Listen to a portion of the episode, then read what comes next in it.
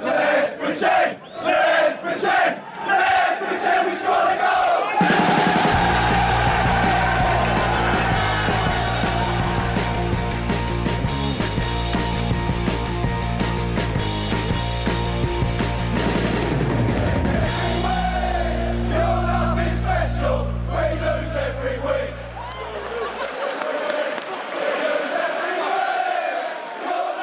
Hej och hjärtligt välkomna hälsar vi då till en helt ny säsong utav ja, Sportbladets Premier League-podd men också utav eh, eh Premier League som liga. Vad man har väntat i hela, vad är det, fyra veckor eller? det, känns som, det känns som att vi precis rundade av den förra säsongen.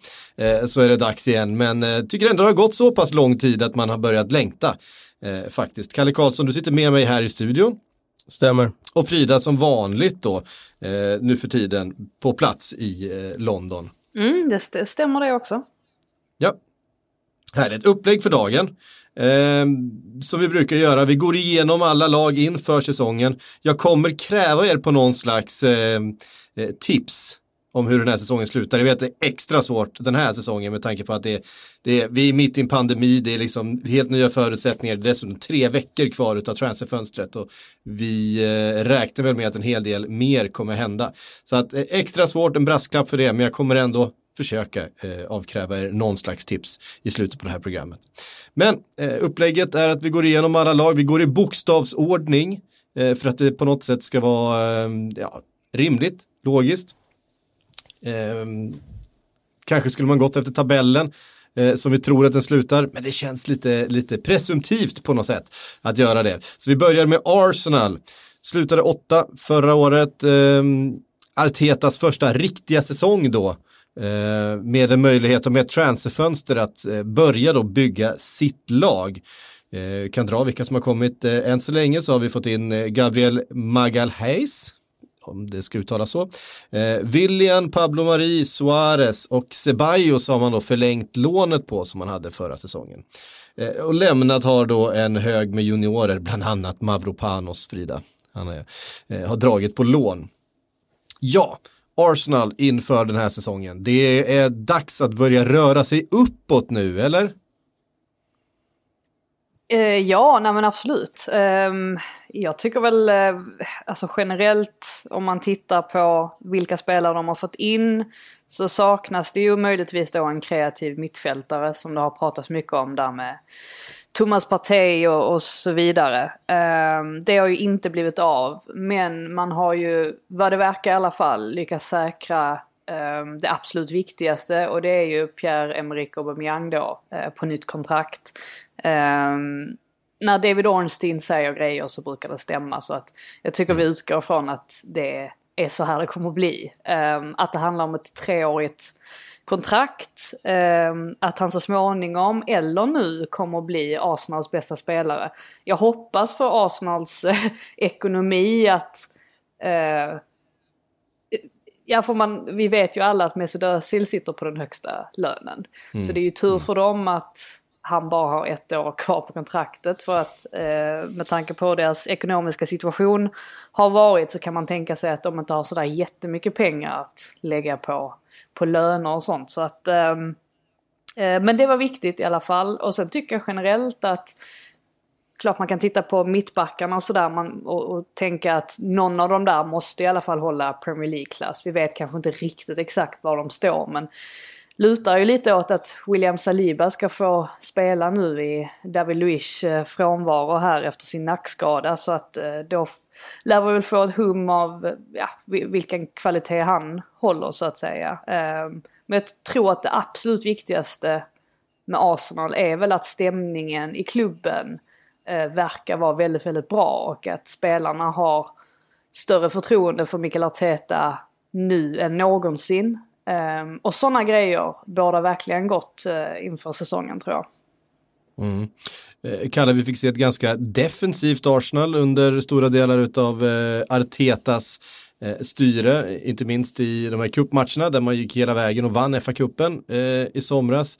Eh, kompakt, välorganiserat, men kanske inte det Arsenal som man hade förväntat sig eh, under just Arteta, den Pep Guardiola liksom skolade eh, tränare. Vad förväntar du dig av eh, Artetas säsong eh, 2021? Nej, men både och tycker jag. Man kan kalla det defensivt, man kan också kalla det disciplinerat, eh, göra det som krävs för att ta eh, vilket man får ändå säga är, är vara fundamentala segrar för att få förtroendekapital för fortsättningen. Jag tror att eh, han kommer att steg för steg bygga det här spelet. Eh, jag tycker att de har nu en, en grund att stå på. Man, eh, det de gör med boll är ju här och där riktigt imponerande i sättet de spelar ut från, från målvakt och så. Det var ju sånt som e- Emery försökte med och som inte riktigt lyckades då. Men nu har de ju uppenbarligen satt en bättre grundplåt för att eh, våga spela ut och fortsätta göra det eh, än vad de hade tidigare. Jag tycker att de är, de är lite smartare helt enkelt defensivt. Eh, jag skulle inte säga att de är mer defensiva utan mer att de är lite mer välorganiserade. Då kanske man upplever som lite mer defensiva. Eh, jag tror att ehm, han har gjort egentligen det så bra som man egentligen kan göra. Sen är det klart att liga tabellpositionen var inte så smickrande. Eh, men eh, jag tror att i läget han tog över så var det så pass komplicerat så det handlade mer om att sätta en, eh, en kultur i omklädningsrummet, i laget. Eh, och då var det lite kill your darling som var tvungen att ske. Eh, han var tvungen att att, att, att vara hård mot vissa, eh, sätta ut vissa i kylan och eh, bara få sätta en ny eh, lägsta nivå i, i, truppen. Och det tycker jag han har gjort. Eh, och tittar man på ja, liksom, där de står idag så det här hade man ju alla Arsenal-fans tagit eh, bara rakt av vid det tillfället han tog över det i, var det december där. Eh, att de nu skulle stå med dels den truppen de har, eh, Aubameyang på nytt kontrakt, fått in lite spännande försvarare. Eh, de har dessutom en titel som mm. eh, Ja, den känns ju som att den, den eh, var mentalt rätt viktig. Ja, otroligt viktig alltså. Otroligt viktig. Det hade ju varit helt annorlunda stämningsläge om man hade gått och förlorat den där finalen. Men nu vann man den, man fick en titel. Då gör man slut på det där snacket direkt. Eh, säg att det skulle vara två titellösa år nu framöver. Då kan man inte dra igång det där snacket om att han inte har vunnit titlar. För den där titeln, den finns redan i skåpet. Han har ju och två. det ger så otroligt mycket ja. förtroendekapital. du räknar kärret till Kilen då? Ja, ja, ja. Eller heter den Community Shield nu? Community ja, den räknar inte jag. Nej, det är, ju en, det är ju en träningsmatch. Den ligger mitt i försäsongen. Um, men ja, eh, väldigt spännande och några spännande namn att hålla koll på då bland eh, juniorerna här också. Saka ska ju bli väldigt spännande att se vilken, vilken nivå han kan nå den här säsongen. Eh, Blixtra verkligen visar på en extrem höjd under förra. En sån som Eddie Enketia tycker jag också ser väldigt spännande ut. Martinez. Ehm, jag, jag vill slå ett slag för Emil Smith Rowe som jag tror kommer, mm. Eh, vi kommer eh, prata mycket om under säsongen. Eller det är en sådär jag, jag tror i alla fall kommer ske. Förlåt, jag menar Martinelli såklart när jag sa Martinez. Ja, men det finns ju en ja. Martinez i mål i och för sig. Precis. Ja, det finns en Martinez i mål, ja, precis. Som, eh, också såg väldigt bra ut. Ja. han, eh, Oförskämt bra ut. Han, så, han såg för bra ut för att vara en andra målvakt mm. med tanke på att eh, eh, Leno också såg väldigt bra ut under förra säsongen fram till sin skada. Eh, där har de faktiskt en, eh, ett litet huvudbry skulle jag vilja, vilja påstå. Eh, även om såklart Leno ska in när han är, när han är frisk. Um, från Arsenal då till Aston Villa. Eh, klarade sig med darr på ribban förra säsongen, 17 plats. Eh, har värvat Ollie Watkins, en mycket spännande spelare som jag vet att du har eh, kikat lite på, Kalle. Ja, eh. det är ingen så här, jag har inte sådär järnkoll på Championship nu för tiden, men, men man har ju sett han lite grann i, i Brentford, men eh, jag tittar lite mer noggrant nu här då. Och eh, han har spännande egenskaper, han har lite av varje. Han kan löpa i djupled, han kan göra mål, han kan kombinera, han kan eh, dyka upp på rätt ställe. Så att eh, jag, eh, känslan är att det är en riktigt, riktigt, riktigt bra värvning eh, för en klubb som Aston Villa. Och det känns också som den värvningen som behövdes. Eh, var helt nödvändig. I fjol stod de ju utan striker när han Wesley gick under där och, och då blev de ju otroligt strävstrukna. Och eh, ska de ta nästa kliv och inte vara ned, indraget där nere igen, då måste de ju ha någon som petar in målen där framme, annars, annars kommer det bli en ny bot bottenstrid. Mm. Och det var ju, Dean Smith har ju varit eh, väldigt tydlig med att det, det var Olly Watkins han ville ha in till det här laget. Han har ju verkligen eh, handplockat honom in eh, eh, det här transferfönstret. Eh, Frida, eh, det är ganska många som har placerat eh, Aston Villa i botten. Eh, I alla fall eh, med risk då att eh, igen vara indragen i en bottenstrid. Mycket av det hänger såklart på om man får behålla Jack Grealish eller inte. Det är tre veckor kvar av fönstret. Hur centralt skulle du säga att att hålla fast i, Grealish i tre veckor till är för Aston Villas säsong? Jo, nej, men det är det väl såklart. Ehm, det är inte så att det flödar av ehm, alltså spelare med den kvaliteten i deras trupp. Ehm, nu tror jag väl faktiskt att han blir kvar. Jag har lite svårt att se var han ska ta vägen i alla fall. Det här United-spåret verkar ju liksom ha svalnat helt och de är väl fullt inställda på att eh, försöka ro hem Jadon Sancho redan nu så att det kan vi nog... Eh, eh, ja, vi kan nog räkna med att han stannar så länge inget oförutsägbart sker. Eh, jag sätter nog eh, det största frågetecknet kring Dean Smith ändå. Ehm, han var, alltså om vi tänker innan pandemin och innan hela det avbrottet så var han ju ganska ifrågasatt. Och eh, hade väldigt mycket problem i Villa som han inte riktigt visste hur han skulle åtgärda. Bland annat det defensiva spelet. Um, så jag tror faktiskt att han kan...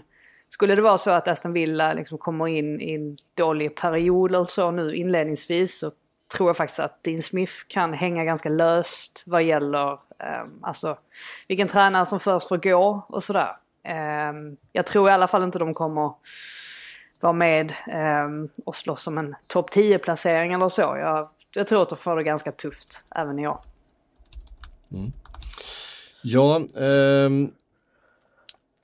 annars så är det inte så stora förändringar i, eh, i Aston Villa och eh, som sagt det var med där på ribban förra säsongen så att eh, det, det kommer, bli, kommer bli en säsong med kniven mot strupen och vi vet ju det här tuffa spelschemat det är ju någonting som vi återkommer till ganska mycket i Silverpodden de senaste veckorna. Det kommer vara ett extremt spelschema den här säsongen. Det är match i snitt i stort sett var tredje, var fjärde dag.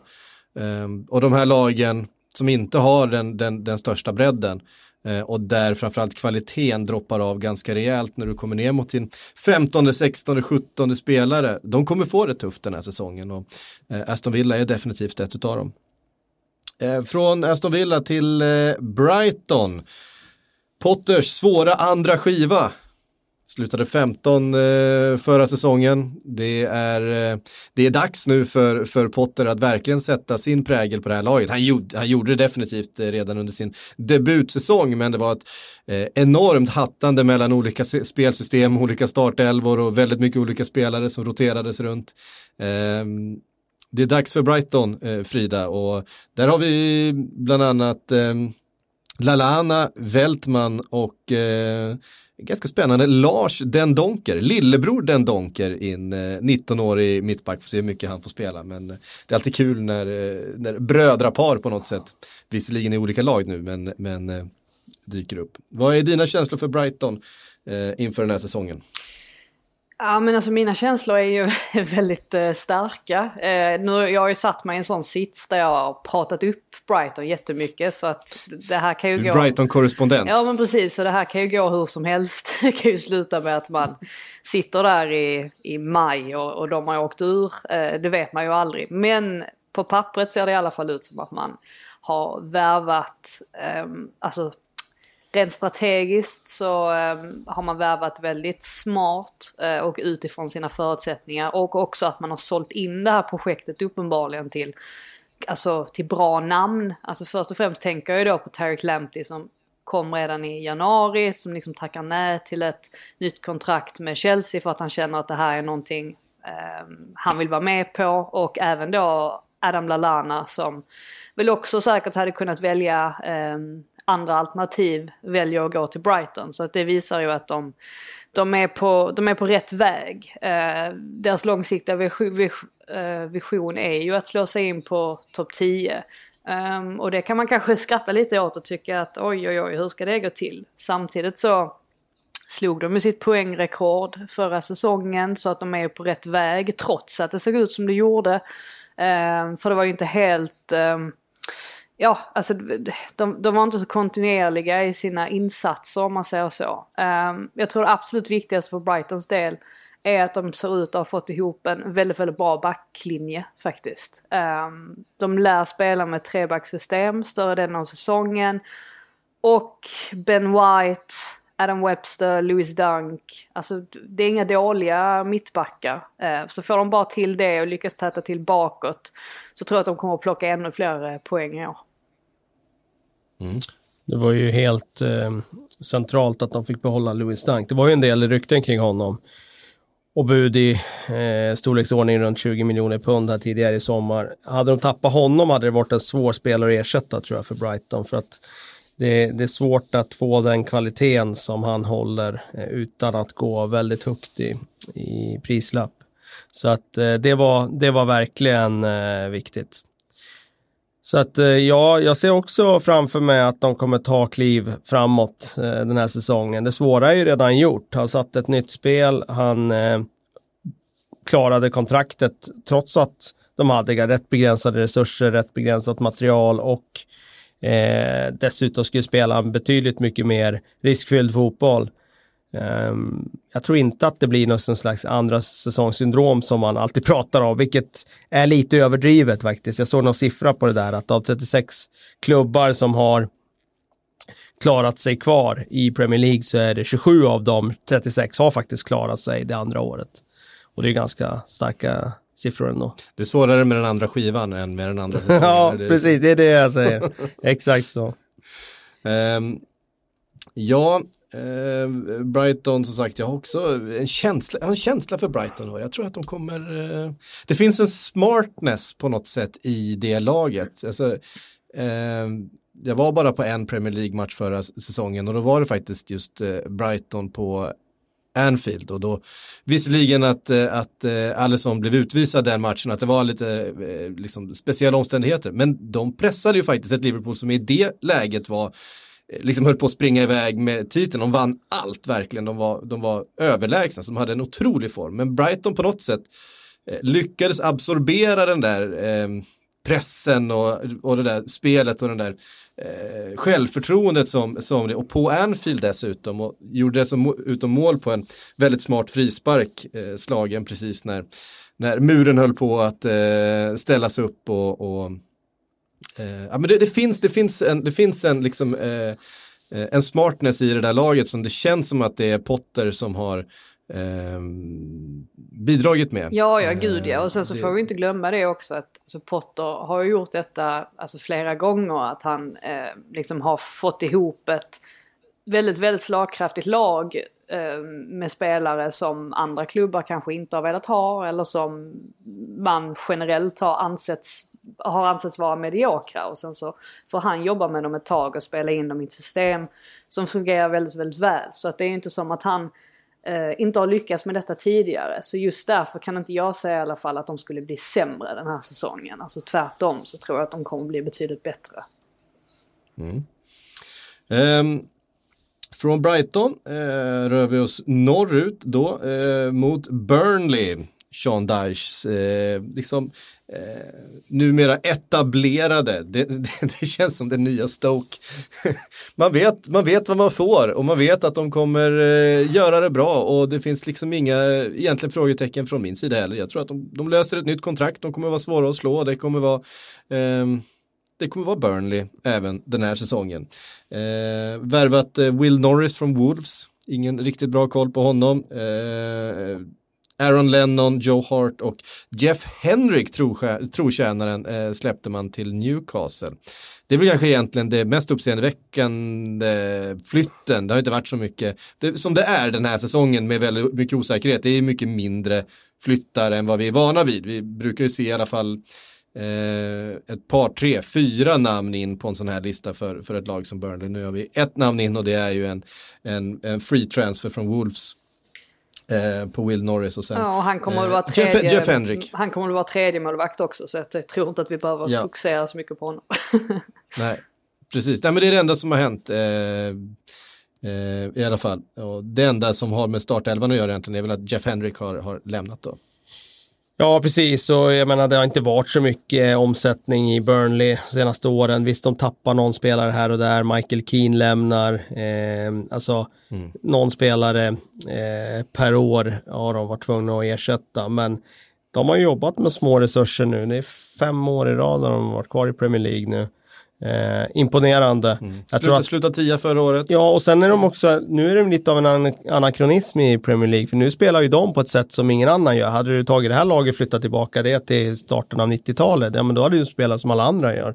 Men nu blir ju de istället det laget som inte spelar den nya liksom, fotbollen. Och som tvingar alla andra att anpassa sig när Ja, åker dit. lite så. Och det, det blir i alla fall att man kommer att prata inför den matchen om andra bollspel och långa bollar på Chris Wood och allt det där. Och det, det, det innebär att det kommer ju vara en mental eh, ansträngning att åka till Turf Moor varje gång för motståndarna. De kommer ta sina poäng där och sen jag tycker att de, de imponerade i fjol tycker jag. Eh, jag vet att det var några som tippade om att de skulle åka ur men men än en gång så överträffar de förväntningarna. Det är bara att lyfta på hatten. Det är samma sak här med gällande Brighton. eh, Det är ju det där med mittbacksfrågan där. Det är ju bud på gång på James Tarkovsky här från West Ham.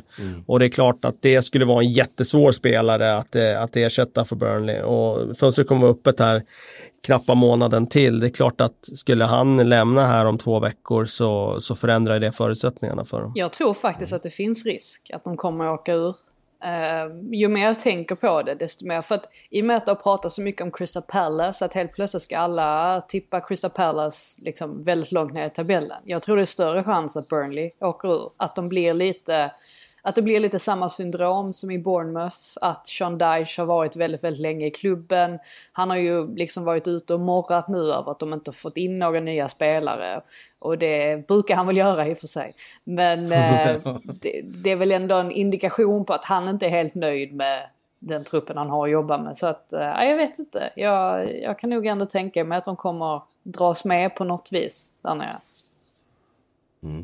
Ja, alltså förr eller senare så, så måste det ju eh, hända där också. Det, Så är, det. alltså, slutar de på en mitten, mittenplacering så är det ju en rejäl överprestation. Varje gång de gör det. ja, och ehm, eh, de brukar överprestera. Framförallt så brukar de vara väldigt svåra att slå ju. Eh, och det är, en, det är en bra egenskap i fotboll. Ehm, från Burnley så kommer vi till laget då som verkligen har värvat, eh, nämligen Chelsea.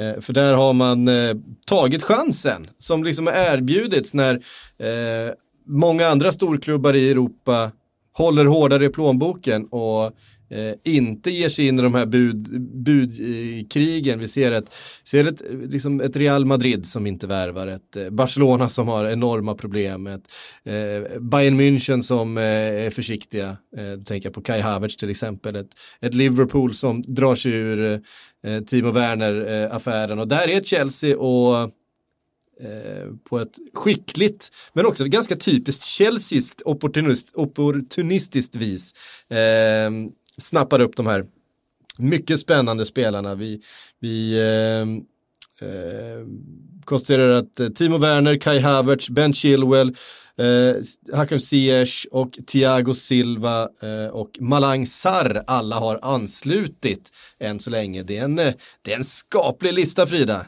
Det, det blir lite att hålla rätt på här i, i början i, i eh, Londonbevakningen. Ja, absolut. Ehm, Alltså, nu, nu kommer väl inte alla, eh, Chilwell är väl out inför premiären, Ziyech är väl också out.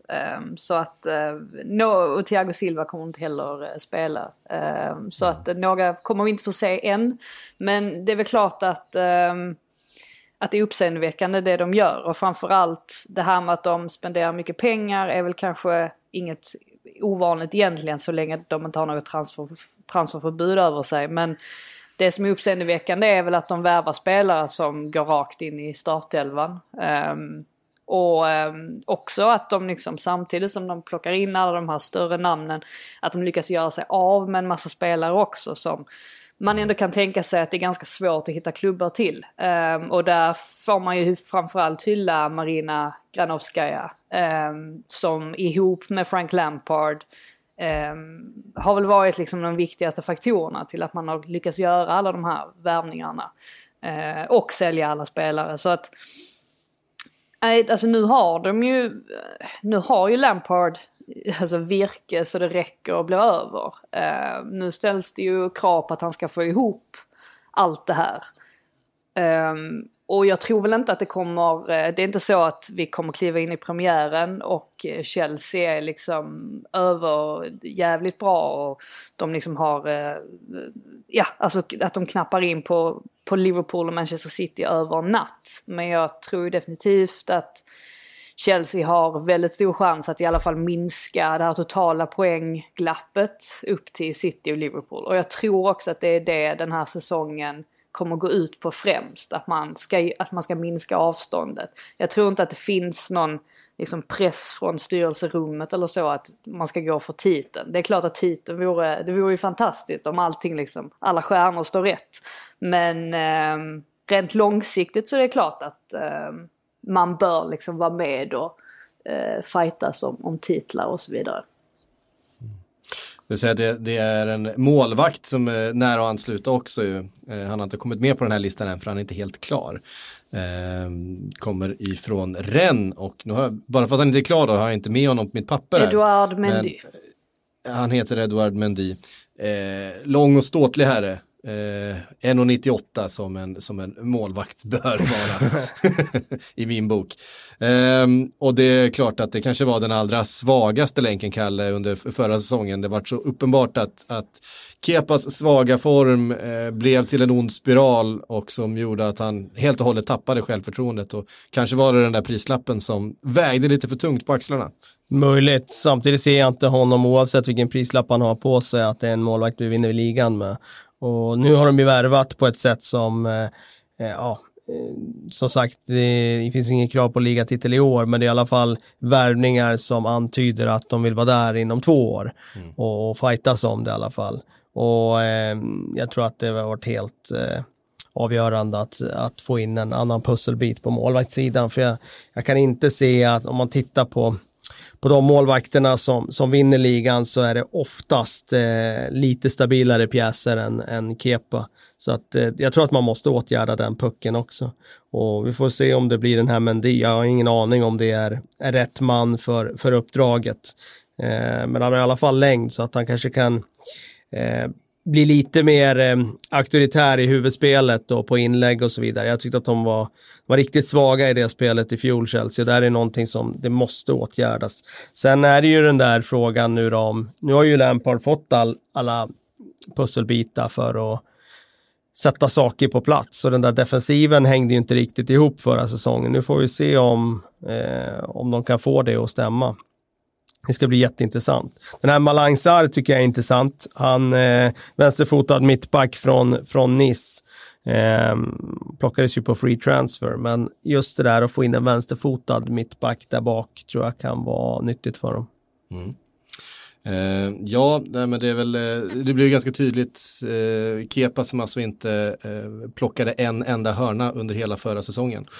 eh, fångade alltså att de eh, det blir lite svårt i en, i en sån liga också som är så eh, inläggs och eh, nicktung som Premier League. Eh, framförallt när man gick då från att ha en Thibaut Courtois med tre meter långa armar som plockade rubbet. Eh, att man nu går tillbaks till att hitta någon som eh, har längden med sig och har den, eh, ja, helt enkelt är den målvaktstypen. Vi ehm, går då vidare till Crystal Palace.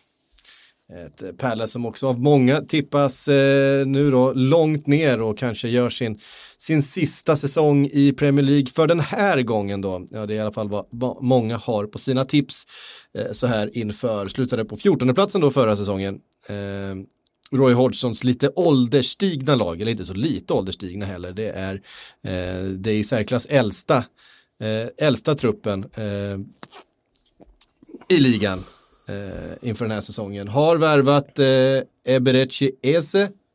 Om det ska uttalas så. Ska det uttalas så Frida? Ja, det låter väl bra. från, från QPR på 20 miljoner. Många som eh, ser fram emot att se honom spela Premier League. Eh, rivig, teknisk, snabb. Eh, sägs ju vara då liksom på något sätt arvtagaren Eh, helt enkelt eh, till, nu tappar jag namnet, till eh, Zaha eller Benteke. Nej, till, till Zaha. Mm. Eh, helt enkelt. Arvtagare till Benteke, det vet jag. jag tänkte det hade varit ganska tacksamt att få den för att eh, då, är inte trycket så stort. Ja, till Wilfried Zaha. Eh, det var till och med många som sa det att när de nu hade värvat eh, Esse så, så var liksom dörren öppen för Zaha att lämna. Men det verkar inte än så länge som att det är någon som har eh, nappat på den. De vill ha ganska mycket pengar för honom. Ja, jag tror att det är lite pandemi-grej. Eh, eh, plus att han har ju faktiskt inte varit så bra förra säsongen. Ja, förra säsongen var ju eh, hans sämsta kanske. Ja, och det är också ett tecken sådär att om han inte hade huvudet riktigt på plats där, han ville ju inte stanna egentligen. Nej. Och sen var blev han kvar och sen då, då blir det oftast inte så himla bra. Han sägs ju vara vansinnig på klubbledningen där, att han, att han är den situationen han är nu. Han har ju varit på väg till Monaco under det här, under det här fönstret. Eh, det blev inte av. Frida, vad, vad ser du med eh, Wilfried Zaha den här säsongen? Ja, alltså det det återstår väl att se vad som händer. Alltså jag har, jag har inte sett sådär jättemycket rykten om att, alltså det är ganska svårt att hitta klubbadresser överlag just nu. Um, så att jag blir inte förvånad om han blir kvar. Jag faktiskt, ju mer jag tänker på det desto konstigare tycker jag att det är att Crystal Palace har fått den här stämpeln på sig som att nej men de åker ur. Alltså det känns som att alla helt plötsligt tror det uh, och baserar det främst på att de har en ålderstigen trupp. Och det har de ju absolut. Um, Samtidigt har de fått in Nathan Ferguson som ju sänker den där medelåldern rejält. Tanke på att vad är han, 19 bast eller någonting sånt, 20. Ja, um, så att en föryngring är ju i alla fall påbörjad. Sen är det klart att alltså Roy Hodgson, så tittar man på honom och tänker att uh, gud liksom en relik i princip. Alltså vad gör han?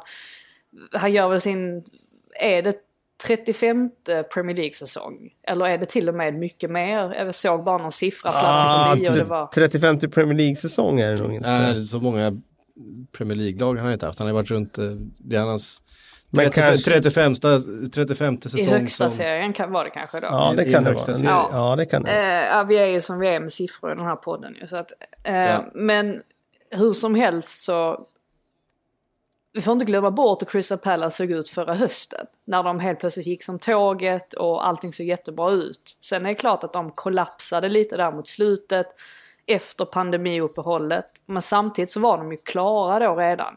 Så att det var kanske som att luften bara gick ur dem och så tänkte de att ja, men vi är redan klara, det finns ingen anledning att vi liksom ska försöka eh, eller ge det där lilla extra. Så att jag är inte så, eh, jag är inte så orolig för Crystal Palaces del ändå jag, jag tror faktiskt att de, eh, ja, alltså att de, precis som liksom Burnley eller vilket annat lag som helst, att de, de kommer liksom ta sina tre poängare eh, under säsongen och klara sig kvar.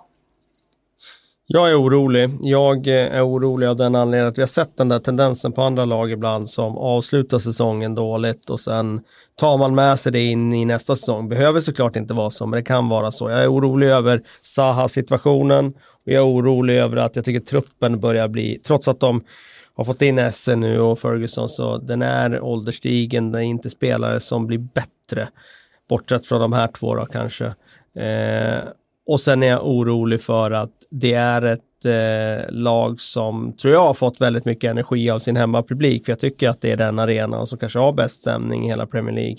Och ska det vara utan publik nu ett tag till här och i alla fall inte fulla arenor så tror jag att det, är ett sånt lag som kanske mister de här sista procenten som de kan få av, av eh, Homestead Fanatics där nere i hörnan.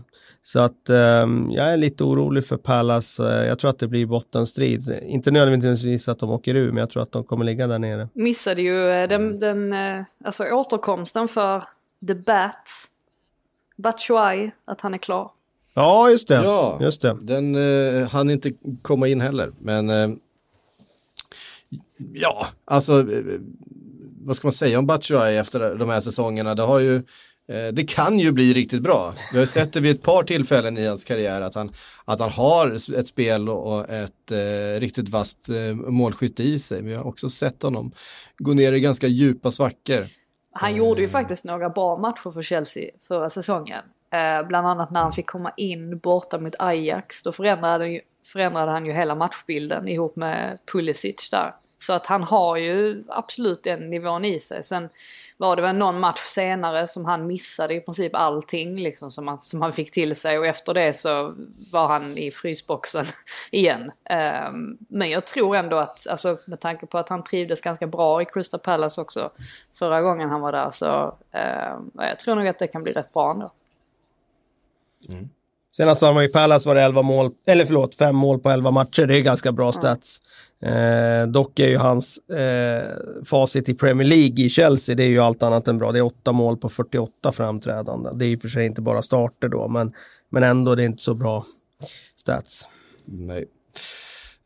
Um, yes, vi uh, lämnar Crystal Palace och eh, tar oss vidare till kanske uh, den, den andra storköparen Den andra klubben med riktiga spenderarbyxor på, nämligen Everton.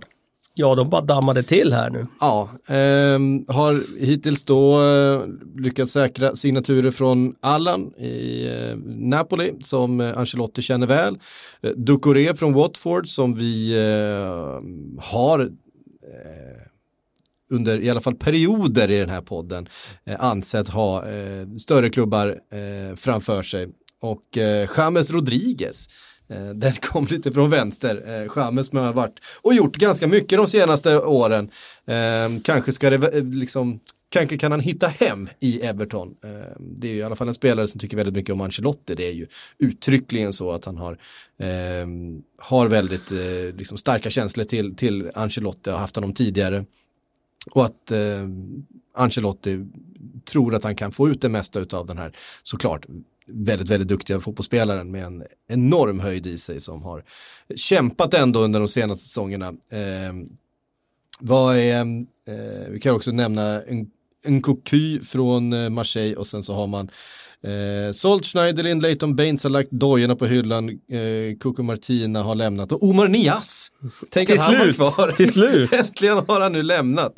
Eh, faktiskt. Eh, ja, kan Everton kan Everton röra sig upp? Kan de blanda sig i leken, Kalle? Kan de, ja. kan de vara där uppe? Kan de bli av med Nias så kan de göra vad som helst. Eh, alltså, det har de ju försökt enträget med väldigt länge utan ja, det känns som de senaste fem åren ja. har de försökt bli av med honom. Hur långt kontrakt hade han? Ja, de hade en långt kontrakt och han blev av med sin plats i omklädningsrummet och det var ju allt möjligt där. Han, Men... fick, han fick ju inte ens, han fick inte ens liksom den officiella lag kostymen när de skulle dyka upp på någon sån samling. Då hade alla på sig sina kavajer som man får till säsongen. Liksom. Utom Diaz, han hade inte fått någon. Ah, det var hårt. Ja, det var hårt. Eh. det, är ju jättespännande det som sker i Everton nu. Jag tycker att eh, det, dels var det ju spännande att de kunde attrahera den typen av tränarnamn som de gjorde förra säsongen när Carlo Ancelotti kom in.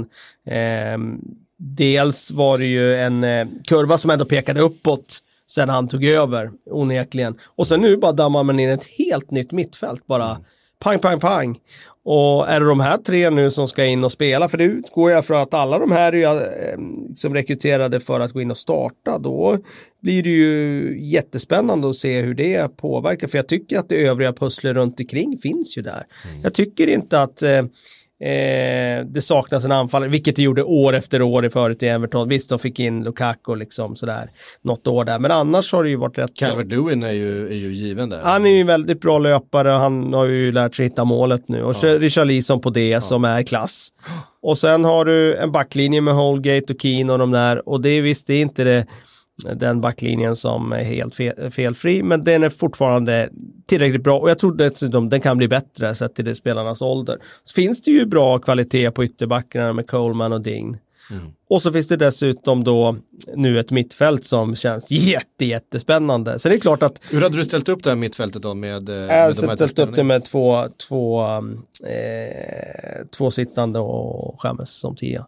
Chamez som 10. Ja, men eh, sen beror det ju på det övriga pusslet. Men jag utgår från att eh, att eh, både Calvert Lewin och Richarlison vill ha liksom mer forwardsroller snarare än att eh, någon ska utgå från, eller att Richarlison ska utgå från kanten och då då um, hamnar man ju kanske då på någon slags 5-3-2 eller något sånt. Mm. Men sen är det ju en annan puck som vi har diskuterat tidigare här som behöver åtgärdas och det är Jordan Pickford. som jag inte tycker är en målvakt eh, som eh, jag känner mig trygg med. Jag hade gärna sett en bättre målvakt där. Mm.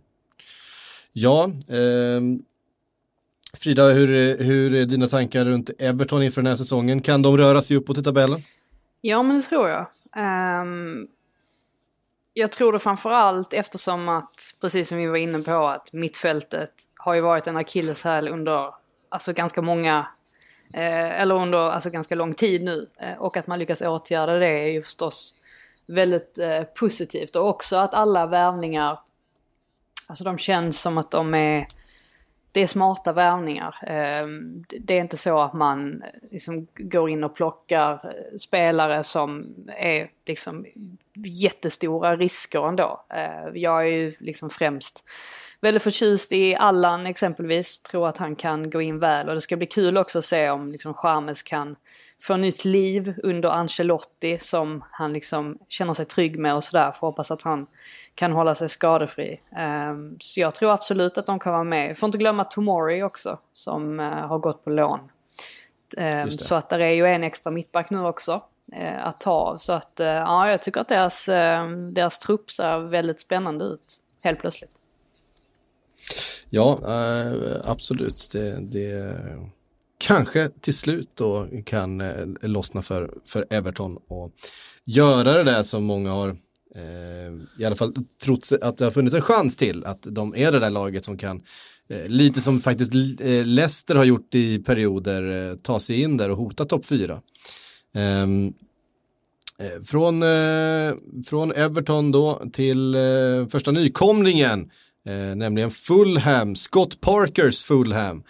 Ehm, in eh, Lemina på lån, den förvånade mig lite grann från Southampton. Det är intressant, eh, både om vi pratar ur ett Southampton-perspektiv och ur ett Fulham-perspektiv. Eh, de har dessutom fått in Nockar eh, och eh, Areola från, eh, från PSG, målvakten. Ja, det är ju en fruktansvärt bra värvning. Ja, eh, och det är ju liksom en, att få in en klassmålvakt som nykomling i, i Premier League, det Eh, det känns som en, en ganska viktig pusselbit eh, faktiskt. Förvånar mig lite där att Alfie Måsson lämnar. Nu har inte jag sett Fulham så mycket förra säsongen så han kanske var så klappkass så att han ska ha på lån till Bristol City. Men eh, han värvades ju ändå för väldigt stora pengar. Verkligen. Eh, och då snackades han ju upp som eh, en riktigt prospect. Mm. Men eh, ja, nu får han gå ut bakdörren. Eh, det är inte riktigt samma spenderar-tempo som senast de var uppe när de eh, värvade in Seri och allt möjligt. Ja, då eh, förköpte men, de sig. Ja, verkligen. Men däremot, alltså att, att de ändå löser Lemina på, på lån från Southampton. Jag kommer ihåg när han kom in från Juventus till Southampton. Deras dyraste spelare då oh. eh, i klubbens historia. Han är mycket upp alltså och ner alltså. Och nu alltså på lån till, till Fulham. Ja, men han kan ju se ut som man ska erövra världen i en enskild match och sen är han ju anonym i, mm. och ganska ointresserad i några matcher. Kan Scott Parker få ordning på honom tror du Frida? Jag vet inte. Jag, ehm, jag har väl egentligen väldigt, väldigt låga förhoppningar kring Fulham. Eh, jag tror att majoriteten har det, eller att de i alla fall har eh, eh, placerat Fulham väldigt långt ner i tabellen. Det är ju Eh, positivt kanske att eh, de inte har spenderat så pass mycket som de gjorde förra gången de klev upp. För att det var inte många värvningar där som föll väl ut. Eh, inte direkt. Nej, eh, bara det här med, alltså när jag såg Seris namn för första gången på länge så kommer jag ihåg vilken otrolig hype det var kring honom. Och det blev liksom totalt, ja, nu har de ju problem med att hitta klubb till honom liksom och låna ut till. Så att det där var ju ingen lyckad, eh, lyckad värvning. Eh, samtidigt så liksom, ska de förlita sig på att det är Mitrovic som liksom ska dundra in en massa mål och sådär. Eh, jag vet inte, jag, jag, tror som sagt att de kommer, de kommer få det tufft um, och hänga kvar. Uh, det tror jag. Mm. Ja, nej, det är väl vad de flesta har bedömt om, om Fulham. Det här känns inte som ett lag redo för en, en Premier League-säsong faktiskt. Eh, det, eh, de tog sig dit som sista lag från, från Championship, eh, gjorde ett bra eh, kval, absolut, men eh, nej, jag tror precis som ni att, eh, att Fulham kommer få eh, riktigt tufft. Från en nykomling till en annan då? Och den som eh, flest ser fram emot och den liksom åter, återtåget till eh, högsta ligan, Leeds tillbaka i Premier League. Och man är det med Bielsa vid rodret. Det här är ju eh, säsongens grej på något sätt. Eh, och man har värvat, man har eh, spänt musklerna. Eh, man gör verkligen allt här för att det inte ska bli en, en direkt eh, återvändo ner i, i, i träsket i Championship. Då. Man har värvat Rodrigo från Valencia, vilket eh, känns som en oerhört spännande värvning. Helder Costa har kommit in, Jack Harrison från Manchester City. Eh, och dessutom verkar det vara fler värvningar eh, på gång till, eh, till det här Leeds, Frida. Hur, hur peppade du på att se Bielsa i, i, i Premier League? pratar du med mig? Ja.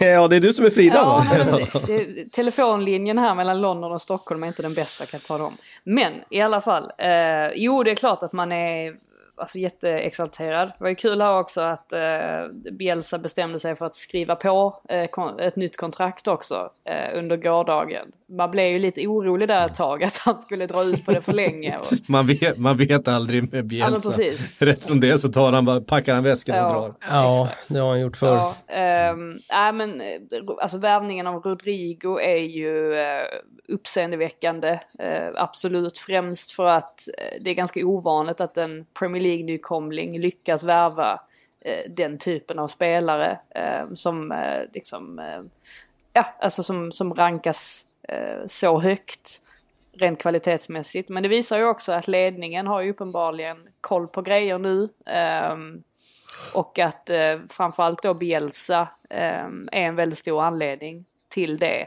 Inte minst vad gäller att locka till sig spelare. Så att, eh, nej alltså jag, jag, tror ju, jag tror nog att um, man vill ju inte att det ska bli en sån här ny Norwich-grej där uh, det kommer vara jättekul att uh, se Leeds spela fotboll. Då bortser vi från Norwich sista månader som ju var bedrövliga. Men inledningsvis var ju Norwich en frisk fläkt i alla fall. Och jag hoppas ju att Leeds kommer vara en frisk fläkt.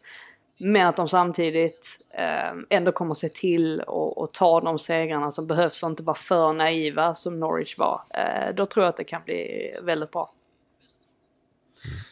Det kommer ju bli eh, otroligt mycket fokus på Bielsa här. Det, jag tror att eh, de engelska krönikörerna, visst de har ju haft några kelgrisar tidigare i Mourinho och sådär som bjuder på rubriker men eh, Bielsa kommer ju vara en attraktion vid varje presskonferens för att han kommer ju hålla show där.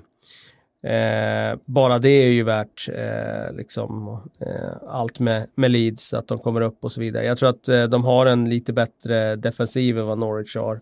Så att jag tror att de kommer klara sig bättre. Sen är ju frågan hur länge de orkar och spela det där högintensiva spelet, tufft spelschema på det. Det kan ju vara så att bensinen är slut eh, här framme vid jul och att våren blir riktigt tuff. Jag kan se det framför mig. Men det ska bli jättespännande att se när han kommer upp med sina idéer och se hur, hur, hur de bär i Premier League. Det ska bli, ja, det är någon mer spännande nykomling kan inte jag minnas att vi har sett de senaste, inte senaste decenniet i alla fall, och kanske mer än så. Mm. Ja, det, det kommer vara fart och fläkt. Och... Wolves var ju en bättre nykomling, men inte mer spännande än det här. Nej, alltså inte lika rolig Nej. på det sättet. Eh, helt klart. Och, eh, samtidigt, jag, jag tror det finns ganska stor risk att Leeds också kommer få Eh, leva med kniven på strupen under eh, perioder den här säsongen. Eh, de har ett lag som absolut är bra, men eh, är det så mycket bättre än, än många av de andra Premier League-lagen? Det tycker jag nog inte att det är, även om det, det kommer vara mycket spännande att följa. Eh, från Leeds då till Leicester. Rodgers gäng som då slutade på en snöplig femteplats får man ändå kalla det efter en svag säsongsavslutning efter att ha liksom varit eh, med distans ner till Manchester City till och med i, under en period i, i vintras. Som klar tvåa. Ehm, ja, jättestor distans var det inte, men de var i alla fall, de var i alla fall klar tvåa i tabellen. Ehm, och såg i alla fall ut att ha eh, extremt långt ner till den femteplats man sen, men sen landade på. Men en svag vår och framförallt riktigt svaga resultat efter eh, coronauppehållet eh, gjorde att man hamnade där. Har värvat eh, Kastanj då, eh, ytterback från Atalanta som ersättare till Chilwell. Eh, I övrigt så inte så mycket annat mer än att Chilwell då har lämnat. Eh, Kastanj känns som en jätteintressant liksom, intressant spelare, höger, högerback egentligen då, men kan spela eh, vänsterback också. De har ju en, en viss Pereira på den där högerbacken som man inte flyttar på i första taget. Kan visserligen också spela vänsterback. Ja, Pereira är Eh, väl man skadad måste- ett tag till va? Ja, är han det? Ja, Ja, det kanske han är. det. Då kanske vi får se eh, Kastanj eh, på högerbacken från början. Men i alla fall ett Leicester som är intakt. Eh, de har fått behålla sina bärande spelare från förra säsongen. Eh, och ja, ganska lite talar väl egentligen för att eh, Leicester ska göra en lika bra säsong som förra säsongen, även om den eh, landade på en femte plats. Men kan man ta sig in topp sex eh, den här säsongen så skulle jag bli förvånad i alla fall. Eh, hur känner du Kalle, kan Rodgers upprepa succén? Nej, men det var ju ett fall av att eh, många andra topplag eh, svek förra säsongen och eh, att de skulle göra det igen när Manchester United verkar ha fått ordning på det. Mourinho har fått lite mer tid med sitt lag. Arteta har blivit bekväm i Arsenal. Eh, och Chelsea har liksom dammat in värvningar. Jag ser inte det framför mig utan jag tror att det blir svårt för ett Leicester att haka på igen. Jag skulle bli förvånad om de gjorde det. Sen är det så, såklart, det är ju en så otroligt jämn liga och lag tar poäng av varandra. Så om de bara ser till att vinna mot lagen på under halvan så räcker ju det långt. Bara det. Men eh, jag tror att de får svårt att, att upprepa det där att de var uppe på topp tre och hotade till och med Liverpool där under hösten. Det kan, jag, det kan jag absolut inte se igen utan det kändes som att det var en dagslända där och då. De får vara nöjda om de är där på topp sju och, och krigar där. Det, det är där målsättningen bör, bör ligga. Sen är frågan hur länge de här lite äldre spelarna håller i Leicester. Alltså ta Jamie Vardy, nu fick han ett nytt kontrakt och han vann skytteligan i fjol. Och, menar, det är klart att han inte över den här sommaren har eh, ja, åldrats så mycket så att han inte kan göra mål längre. Men frågan är när kommer han också till den där gränsen att han inte kan springa 180 miljoner maxlöpningar per match. Det måste ju komma en gräns för, även för Jamie Vardy. Och samma sak med, faktiskt med Schmeichel tycker jag, eh, som eh, visserligen inte supergammal, men jag tycker inte han alls han är på den nivån som han var när, när de vann ligan. Och det är ju ett antal år sedan nu, så att det kan ju vara så att han också har blivit lite mätt och eh, de behöver all, ja, de behöver sina nyckelspelare att prestera. Ja, eh, ja men det känns helt klart så. De, de är ju roliga att titta på, eh, ofta Leicester tycker jag. Och, eh, Madison är man ju också sugen på om han nu kan vara skadefri eh, den här säsongen och se vilka nivåer han kan komma upp eh, till. För det kändes som att han, han hade oerhört mycket i sig precis eh, I början där. Ja, och näst, näst, sen kom skadorna och eh, eh, satt ju vid sidan av eh, stora delar av eh, avslutningen på den här säsongen. Ehm, från eh, Leicester till Liverpool, den regerande mästaren. Eh, där eh, det kommer se ut ungefär som det gjorde förra säsongen på det där eh, i den där startelvan. Inte så mycket värvningar in, Kostas Tsimikas, grekisk vänsterback är det som har värvats hittills. Adam Lallana och Dejan Lovren har lämnat. Såklart en hel del diskussioner om det här laget behöver liksom fräschas upp. Det är ett lag som har gjort några säsonger tillsammans nu. Eh, eventuellt eh, kunde man se liksom tendenser på den här eh, tröttheten som många misstänker liksom inf infinner sig efter ett antal säsonger med den här intensiva eh, fotbollen och den här intensiva eh, liksom, åren som Liverpool har haft. Att eh, Mané och Salah och Firmino kan liksom inte spela hur mycket matcher som helst utan att eh, kunna rotera. Så där bakom ser det ganska tunt ut. Det är klart det finns en Origi, det finns en Minamino som jag tror kommer få eh, eh ganska mycket större roll den här eh, säsongen. Eh, vi har sett honom vara väldigt central under försäsongen till exempel. Eh, och sen är det såklart Thiago Alcantara som eh, Klopp uttryckligen vill ha, som eh, det pratas mycket om att Liverpool och Bayern München förhandlar om. Det hänger mycket ihop med om Wijnaldum som har varit en av liksom verkligen eh, stöttespelarna, den mittfältaren som har spelat flest minuter eh, i det här laget. Eh. Och det är klart, det finns eh, flera saker att ha i huvudet. Det, det, det eh, är eh, förstås fantastiskt om man skulle få in en sån spelare som, som Thiago som liksom kan förändra eh, ett spelsätt. Men samtidigt att förlora den mittfältaren i det här, kanske det bästa laget som Liverpool någonsin haft, att förlora den mittfältaren, mittfältaren som spelar allra flest minuter utav alla och som har den kanske tydligaste rollen. Eh, ja, det är, inte, det är inte bara positivt, om man säger så. Nej, det är ju visserligen så att man kanske behöver förändra när man står på toppen. För gör man inte det så, så kommer man eh, inte hinna agera när det väl börjar gå ut för. Det, det har vi sett rätt många exempel på och det är jättesvårt att veta exakt när man ska göra det. Jag tror att det är nu man behöver fräscha upp med något namn och det är uppenbart att eh, Liverpool vill in Thiago och ser att han har dimensioner som man inte har idag och som kanske skulle kunna utveckla spelet.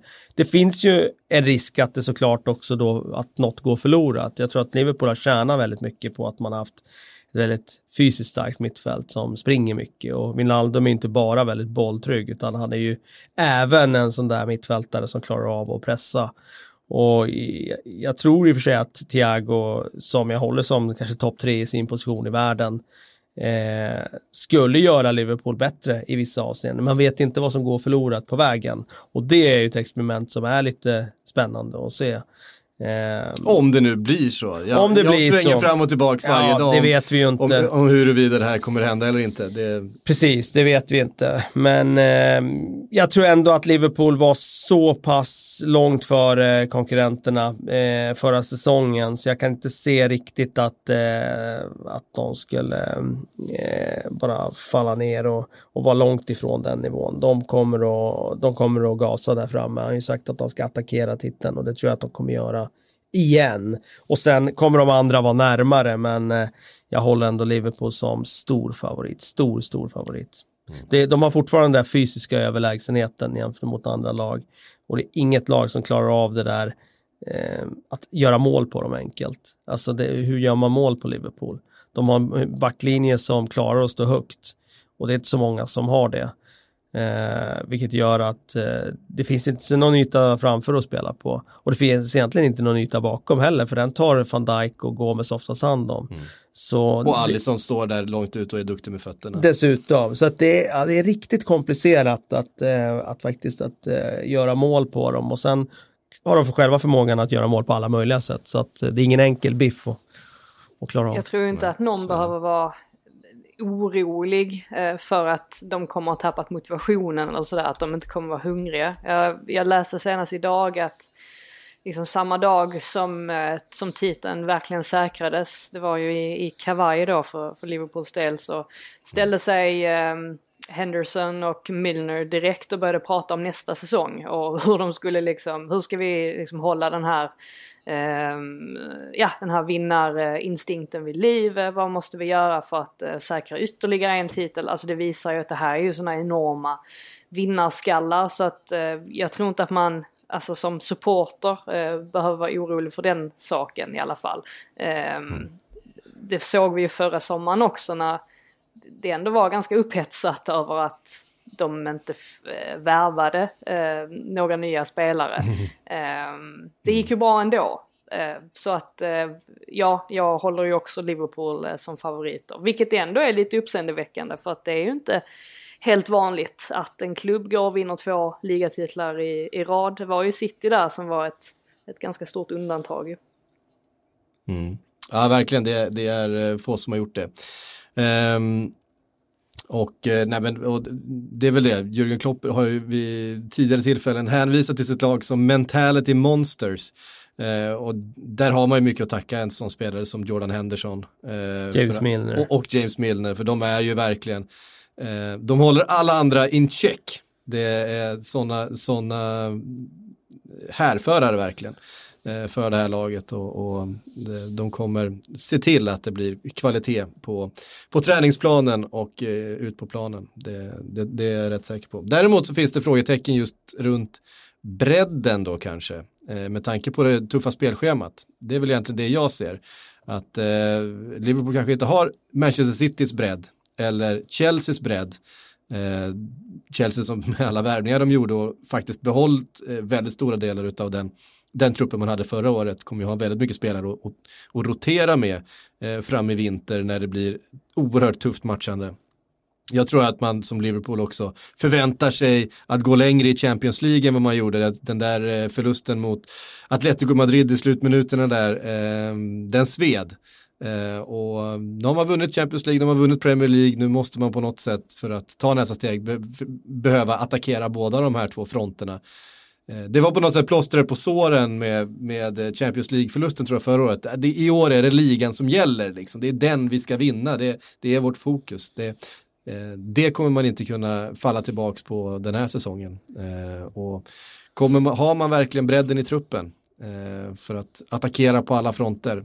det är väl det stora frågetecknet. Nej, samtidigt har de ju mm, uppenbarligen spelare som är fysmonster som klarar av att spela mycket matcher utan att bli skadade. Sen är det klart att förr eller senare så kommer den där skadan, men hittills så det är ju spelare som fysiskt sett har visat sig vara kapabla att undvika skador. Så att eh, det är väl positivt i alla fall. Mm.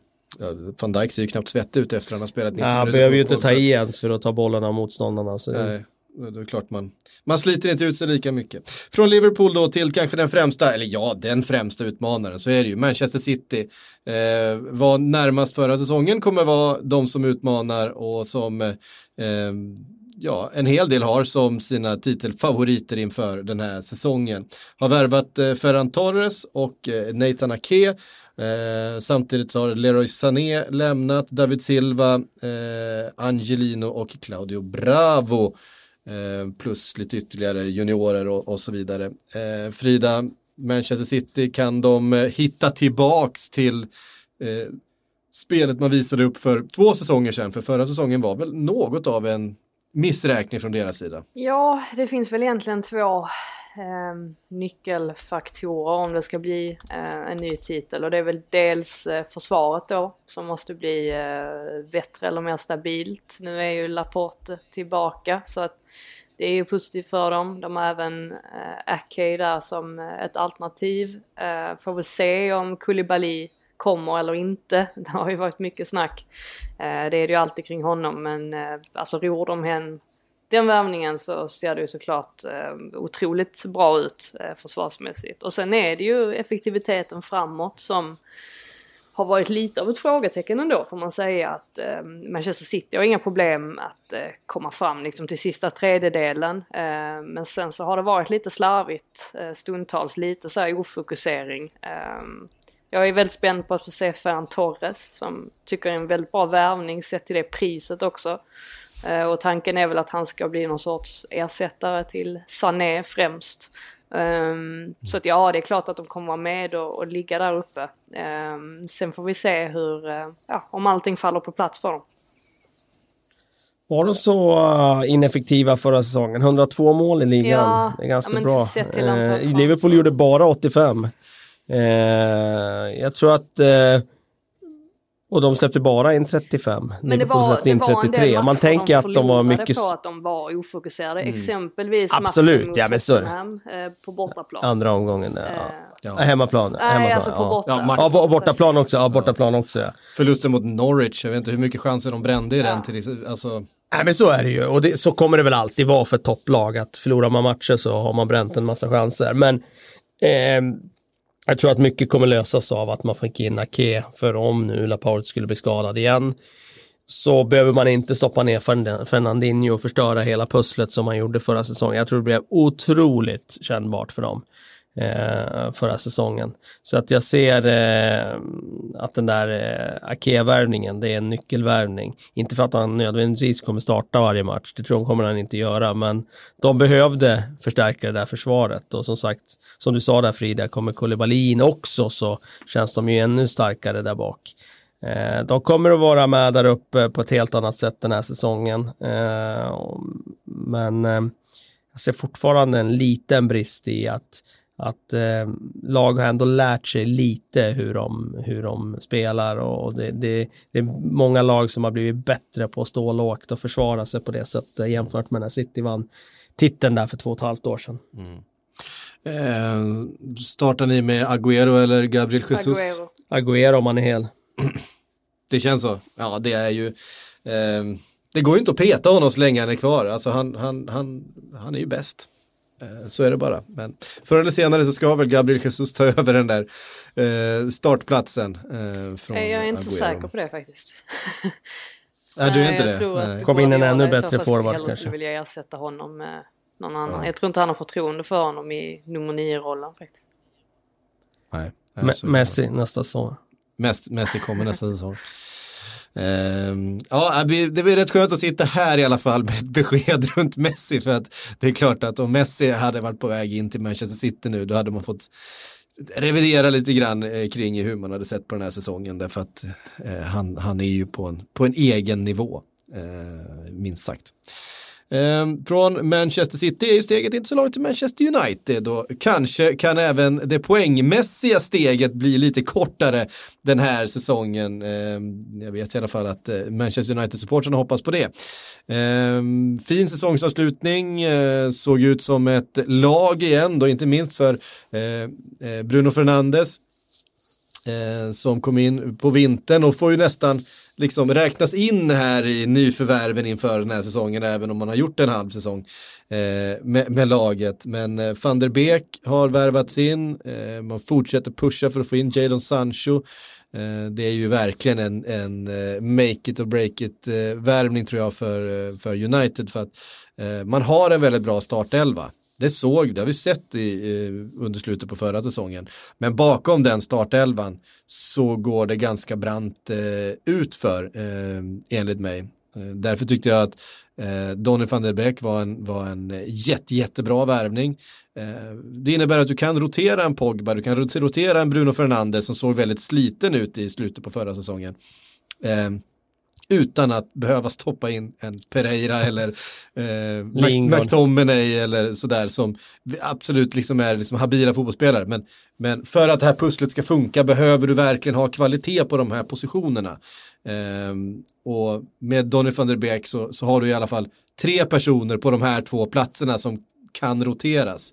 Eh, och det tror jag kommer vara helt avgörande för Manchester United under den här säsongen. Sen behövs det liksom fyllas på eh, Eh, ytterligare spelare eh, såklart på andra positioner för att de ska bli helt kompletta. Men de är bättre rustade nu känns det som.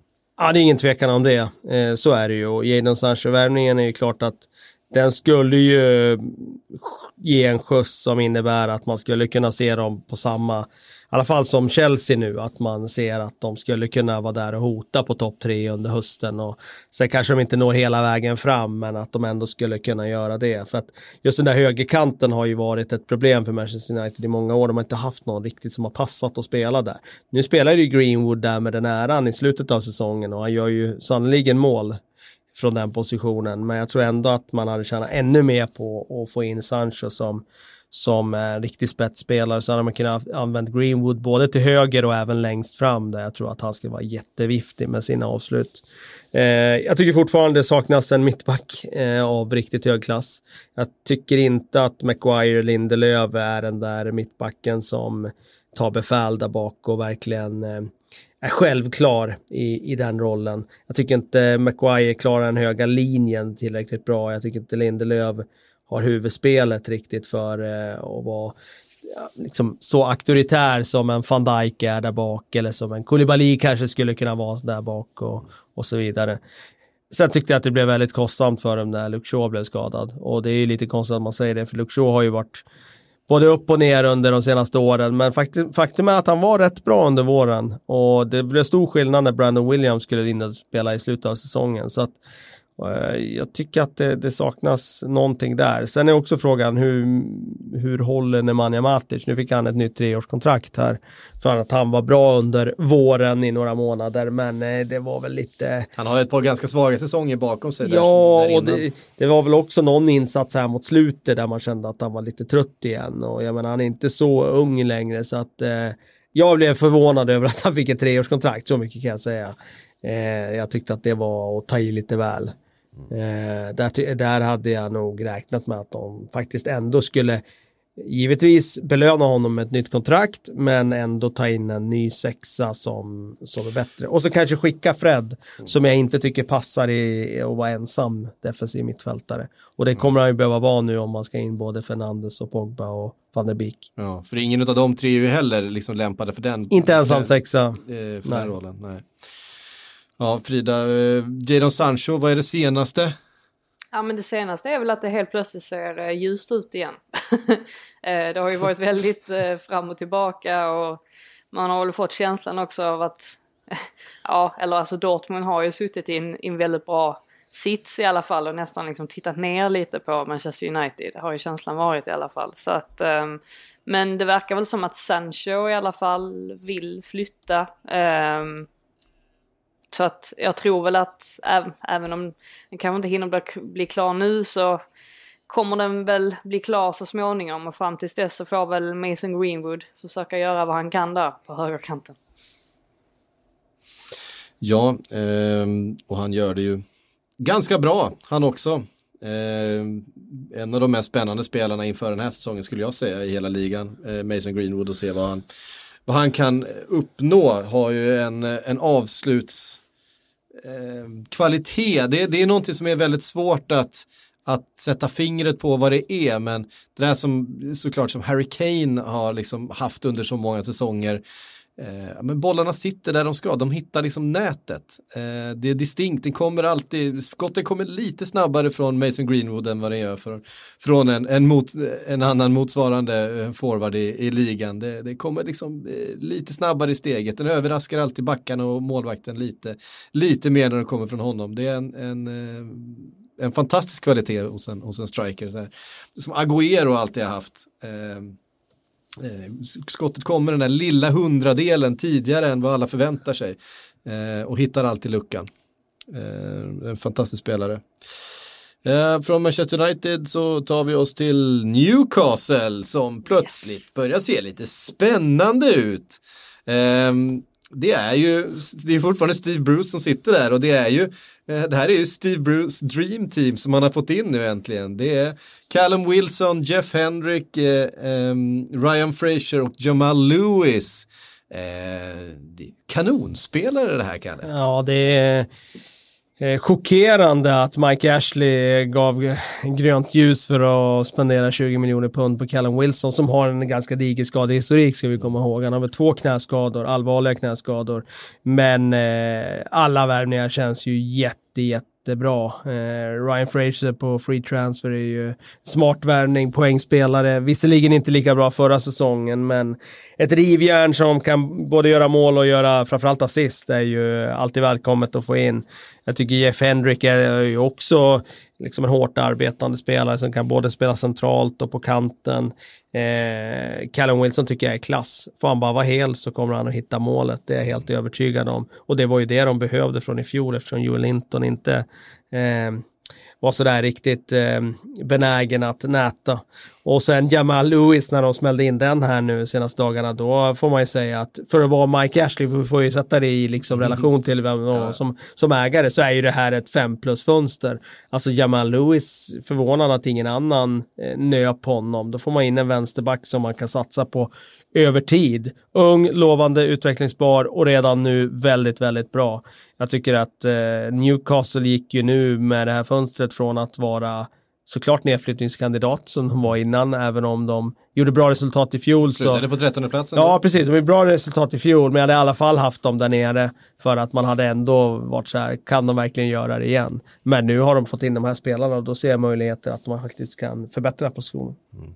Frida, är du exalterad? Ja, nej men det är jag. Eh, Ryan Fraser sa här i dagarna också att eh, hade han spelat de här sista matcherna för Bournemouth så hade inte Bournemouth eh, trillat ur. Eh, sa han. Så att, så att hans självförtroende är inget... ja, men precis. De har ju verkligen fått in spelare med, med självförtroende, vilket båda gott. Um, och jag, jag, tror nog lite att Mike Ashley är så jäkla förbannad nu på Premier League över att de inte Uh, ja. lät honom Nej, sälja men precis, sin... att de inte lät det här övertagandet, övertagandet gå igenom. Så att det här känns som en hämndaktion på allt och alla, att han bara är så jävla förbannad att han liksom bara har sagt till Steve Bruce liksom, ja men här liksom, värva de här spelarna. Det är, um, vilket ju också gör att, precis som du säger, helt plötsligt så ser man att Newcastle uh, alltså inte att de kommer vara inblandade i bottenstriden i alla fall för att det är ju ändå ett, alltså, fler spelare än de som är invärvade nu som man liksom tycker är roliga att se på, inte minst då Saint Maximin. Så att eh, nej, jag är otroligt spänd på att se vad, vad Steve Bruce kan mm. åstadkomma den här säsongen. Det finns ju en Shelby där också. Det finns en Shelby där. Helt klart. Nej men en Sen Maximin är ju, han är ju riktig klass. Alltså, när, han, när han har sin, när han drar iväg med bollen och han, han tar en extra, en extra runda för att tunnla en, en mittfältare till på vägen. Eh, det är oerhört stor fotbollsunderhållning och det är klart att med lite bättre spelare runt omkring så Men kan ju en någon som kan göra spelare... mål så kommer det ju bli ja, betydligt bättre. Alltså... Det var ju rätt många gånger som Saint Maximin gjorde en eh, fantastiskt läcker dragning eh, och liksom eh, fick igång ett anfall och sen så landar bollen hos Joel Linton och så blir det ingenting av det. Eh, det har man förhoppningsvis åtgärdat nu i med de här eh, värvningarna. Mm. Almeron är ju också en spelare som man Eh, kan se framför sig ha liksom en, en högre nivå i sig. Eh, oerhört ineffektiv spelare men, men lojal och stark i djupled och, och fin teknik. Att han, han har på något sätt allting men, men eh, var ju hopplöst ineffektiv sen han, eh, sen han kom då från, från MLS. Eh, kanske kan han få, eh, få upp den där sista procenten. Riskfaktor det är ju att de eh, tror sig vara bättre än vad de är. I fjol spelade de ju riktigt igelkottförsvar och, och liksom bara kontringar och stod ju ja, men verkligen ner i eget straffområde med tio man och liksom försvara sig, hänga mot repen, försvar från minut 20 i vissa matcher. Och det är ju frågan då med nya spelare om man får liksom... Steve Bruce har ju en hybris i sig också. Tuppkammen växer lite, nu ska vi göra något annat. Och jag, jag, är inte säker på att Steve Bruce är tränaren för att göra något annat. Utan jag tror att det är att Nej, fortsätta han, spela den här. Han, han, han kan nog ha inställningen att han, att han tror att han är spä- ja, tränaren. Det, att, det att kan han säkert ha. Det har ju all, många av de där eh, de gamla spelarna liksom. Sam Allardyce och Sam Allardyce och allt möjligt. Ja, liksom. men Steve ringer Sir Alex och ber om råd igen. Det gick ju bra förra gången. Ja, exakt. De, de, de känner ju varandra. Eh, från eh, Newcastle då till förra säsongens stora sensation eh, får man väl ändå säga att de var eh, Sheffield United, Chris Wilders eh, svårhanterliga gäng. Eh, har värvat in eh, Ampadu från eh, Chelsea och man har kanske framförallt plockat in Ramsdale då från eh, eh, nedflyttade Bournemouth. En eh, jättefin värvning. Eh, skulle jag vilja påstå. Eh, kan Sheffield United återupprepa succén från förra säsongen? Ja, det tror jag att de kan eh, i, eh, vara svårslagna, ta sina poäng här och där. Sen det tusan om de vinner lika många matcher, så jag har svårt att tro att det kommer leda till samma typ av tabellposition, men eh, jag tror att eh, det kommer inte vara enkelt att göra mål på dem den här säsongen heller. Dock så är jag, Ramsdale är en logisk värvning. Mm. Men jag är inte säker på att han kan fylla luckan efter Dean Henderson. Där eh, tycker jag juryn är ute och dividerar fortfarande. Jag, det, är, det är en stor kavaj att fylla sett till hur Henderson spelade förra säsongen. Så att jag ställer mig lite frågan där. Sen finns det alltid en risk också att motståndarna lärt sig lite grann hur man ska attackera dem och, och även hur man ska försvara mot dem. Så att eh, det finns, en, det finns en riskfaktor, ja, men jag kan inte se dem åka ur med det där stabila försvarsspelare de har. Det kan jag inte. Ehm, Frida, hur ska, hur ska um, um, Eh, Sheffield United och Chris Wilder attackerar den här säsongen, alltså anser du? Ja, men jag tror inte heller att de kommer ha någonting med bottenstriden att göra. Eh, men precis som Kalle säger så tror jag att de eh, har blivit lite lättare att läsa. Så att jag tror att det kommer se ut ungefär som det gjorde efter uppehållet eh, när de ju faktiskt hade ganska stora problem och det berodde ju såklart dels på att O'Connell saknades de första matcherna men det visade också att eh, de minsann kan vara sårbara eh, för att i början av säsongen så kändes de ju urstarka och som att ingen kunde bryta ner dem. Så tror jag inte heller att det, att det kommer att se ut i år. Nej. Eh, Blades är ju eh, verkligen en speciell, eh, en udda fågel på något sätt, sättet de spelar på och ehm, ja, men sättet de, de tar sig an den här ligan överhuvudtaget. Southampton hade en eh, svängig säsong eh, minst sagt, eh, men eh, nådde någon slags botten där med 9-0 förlusten mot, mot Leicester och tog liksom spjärn ifrån den botten och hittade tillbaks till ett väldigt vägvinnande spel. Eh, slutade till sist på elfte plats och eh, Hasenhüttel känns som att han kliver in i den här säsongen med viss Eh, med visst självförtroende. Verkligen. Eh, ändå. Har värvat eh, Mohamed Salisu och Kyle Walker Peters. Eh, Walker Peters kommer väl in för att ersätta då eh, Cedric Suarez som har lämnat för eh, Arsenal och sen då El Younousi och eh, Lemina lämnat också. Men eh, Southampton kommer, kommer eh, finnas med där. Jag ser inte heller ett Southampton i, i bottenstriden så som de befann sig då för eh, knappt ett år sedan eh, efter en riktigt svag eh, höst. Det har ju kommit fram nu att han erbjöd att eh, stiga av efter 0-9 förlusten där mot Leicester. Men att han blev övertalad av, av klubbledningen att, att stanna kvar. Och eh, sättet han, han och laget såklart tillsammans vände den extrema tuffa perioden då på hösten och den försmädliga eh, torsken mot, mot Leicester till att göra en otroligt stark vård. De förlorade bara en av de sista nio matcherna. Spelar riktigt, riktigt bra också. Intensivt pressspel. Tycker det är kul att se SA-15 spela nu. De är tillbaka lite till den där fotbollen de spelade under Pochettino faktiskt. Eh, så jag, jag tror, eh, som, ska inte underskatta Hasenhütte. Jag håller honom väldigt högt. Jag tror att eh, SA-15 kommer inte vara i bottenstriden den här säsongen utan jag tror att de har satt ett spel på plats nu för att eh, kunna undvika den.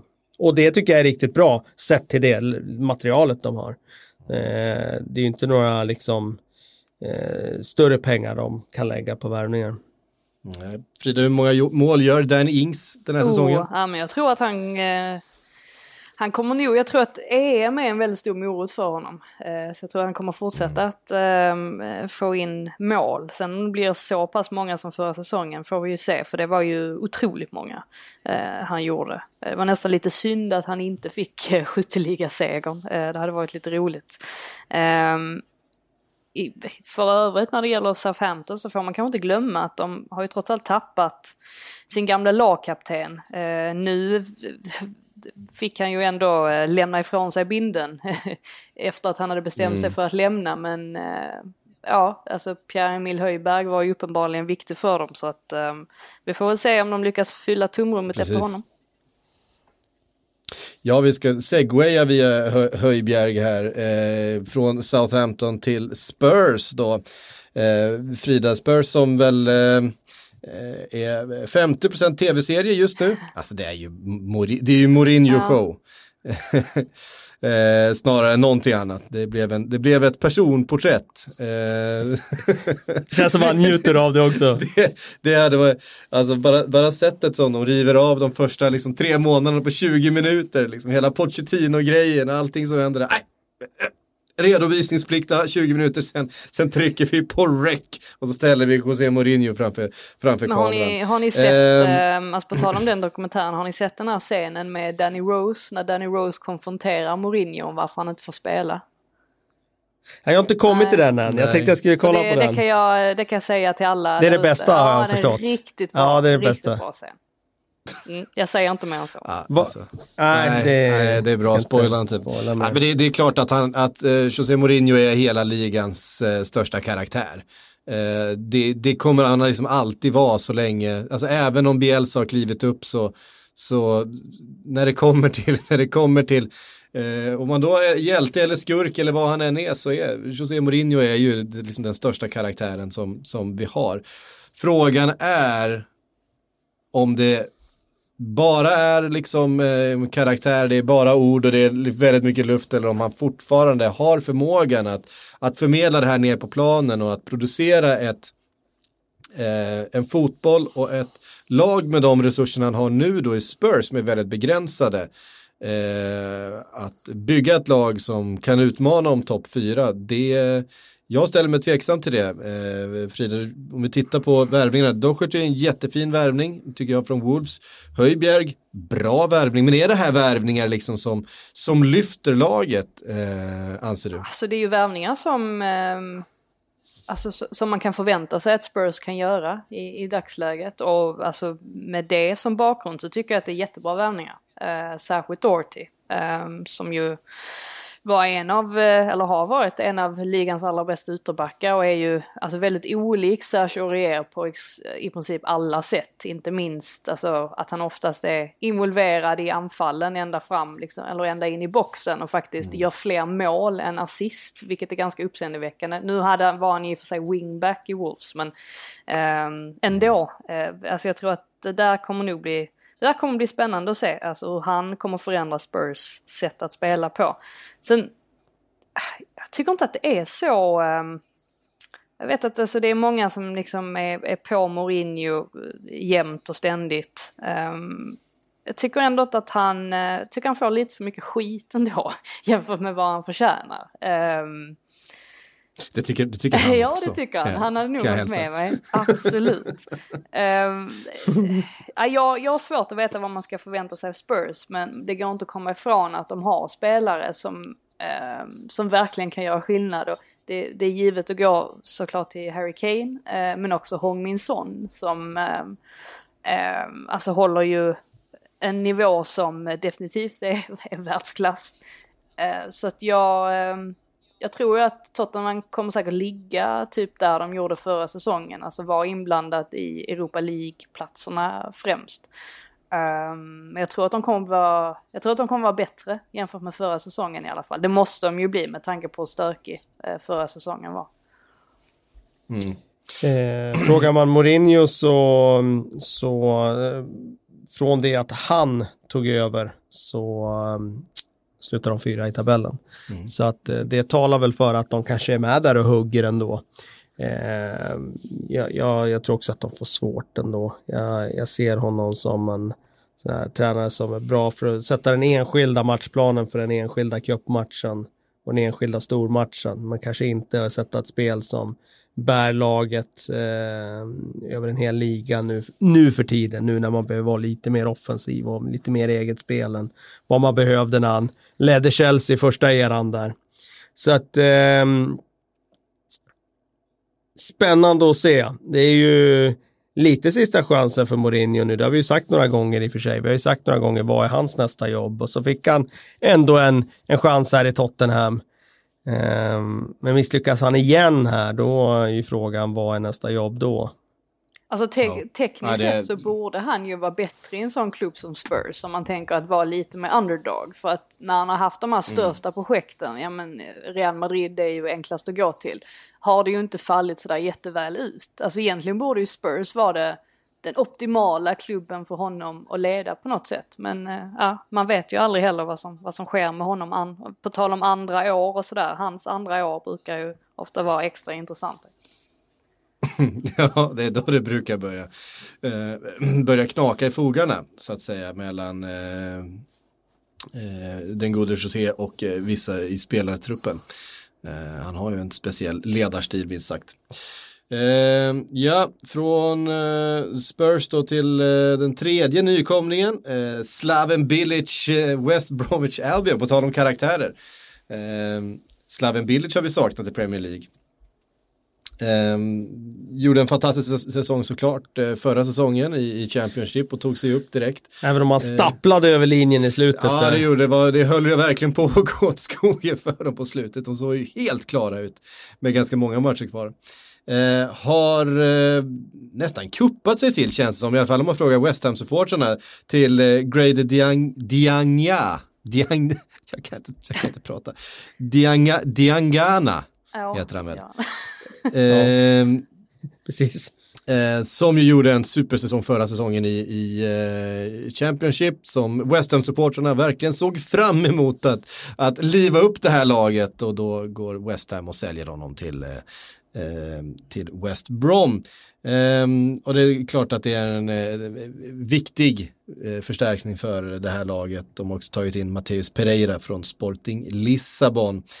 Eh, Frida har West Brom tillräckligt i ladorna för att orka med en sån här säsong och klamra sig över det där strecket för ett nytt kontrakt?